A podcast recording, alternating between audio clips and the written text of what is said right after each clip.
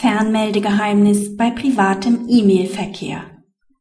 Werden private E-Mails von Beschäftigten mit Erlaubnis des Arbeitgebers im Posteingang oder Ausgang belassen oder in anderen auf lokalen Rechnern oder zentral gesicherten Verzeichnissen des Systems abgespeichert, unterliegen sie nicht dem Schutz des Telekommunikationsgesetzes. Der Arbeitgeber wird von der amerikanischen Wertpapieraufsichtsbehörde vor dem Hintergrund laufender Ermittlungen wegen verbotenem Insiderhandel aufgefordert, sämtliche Dokumente, E-Mails oder sonstige Kommunikationsmittel zur Verfügung zu stellen, die von Mitarbeitern im Zusammenhang mit den fraglichen Geschäften genutzt wurden.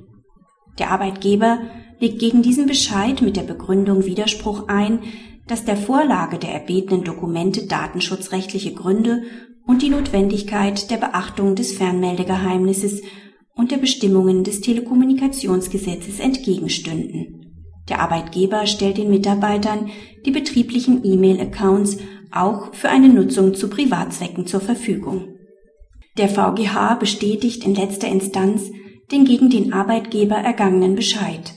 Mit der vom Arbeitgeber gegebenen Begründung kann die Herausgabe der erbetenen Unterlagen nicht verweigert werden. Insbesondere die streitgegenständlichen E-Mails unterliegen nicht dem Schutz des Fernmeldegeheimnisses, sodass sich der Arbeitgeber nicht auf eine mögliche Strafbarkeit infolge der Herausgabe der geforderten Informationen berufen kann.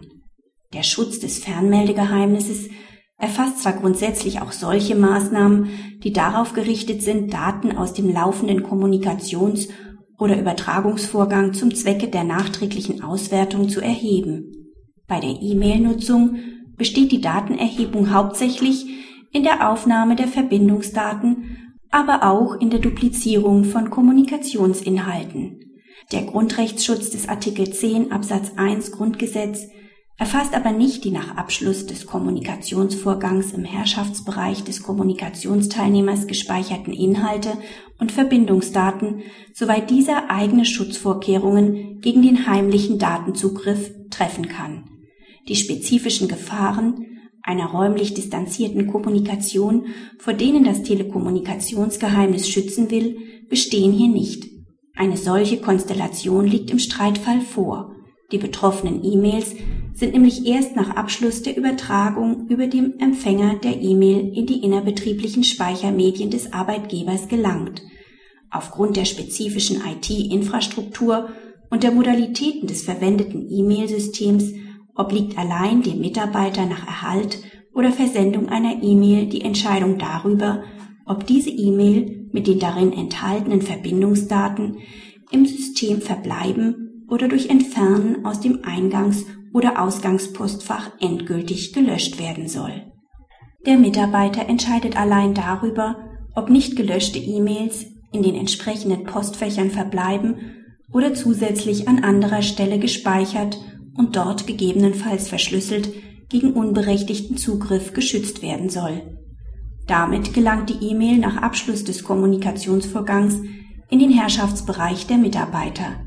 In diesen Herrschaftsbereich wirkt das Fernmeldegeheimnis nicht mehr hinein. Eine mögliche Kenntnisnahme des Arbeitgebers verstößt somit nicht gegen 88 Absatz 2 Absatz 3 TKG.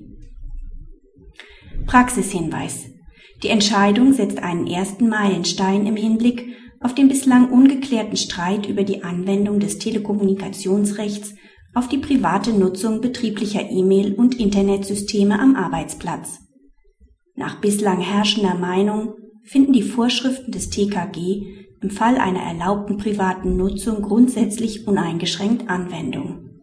Diese extensive Sichtweise hat der VGH mit seiner Entscheidung nun erheblich eingeschränkt, indem die Anwendung des Gesetzes von den konkreten technischen und systemimmanenten Bedingungen der E-Mail-Nutzung abhängig gemacht wird.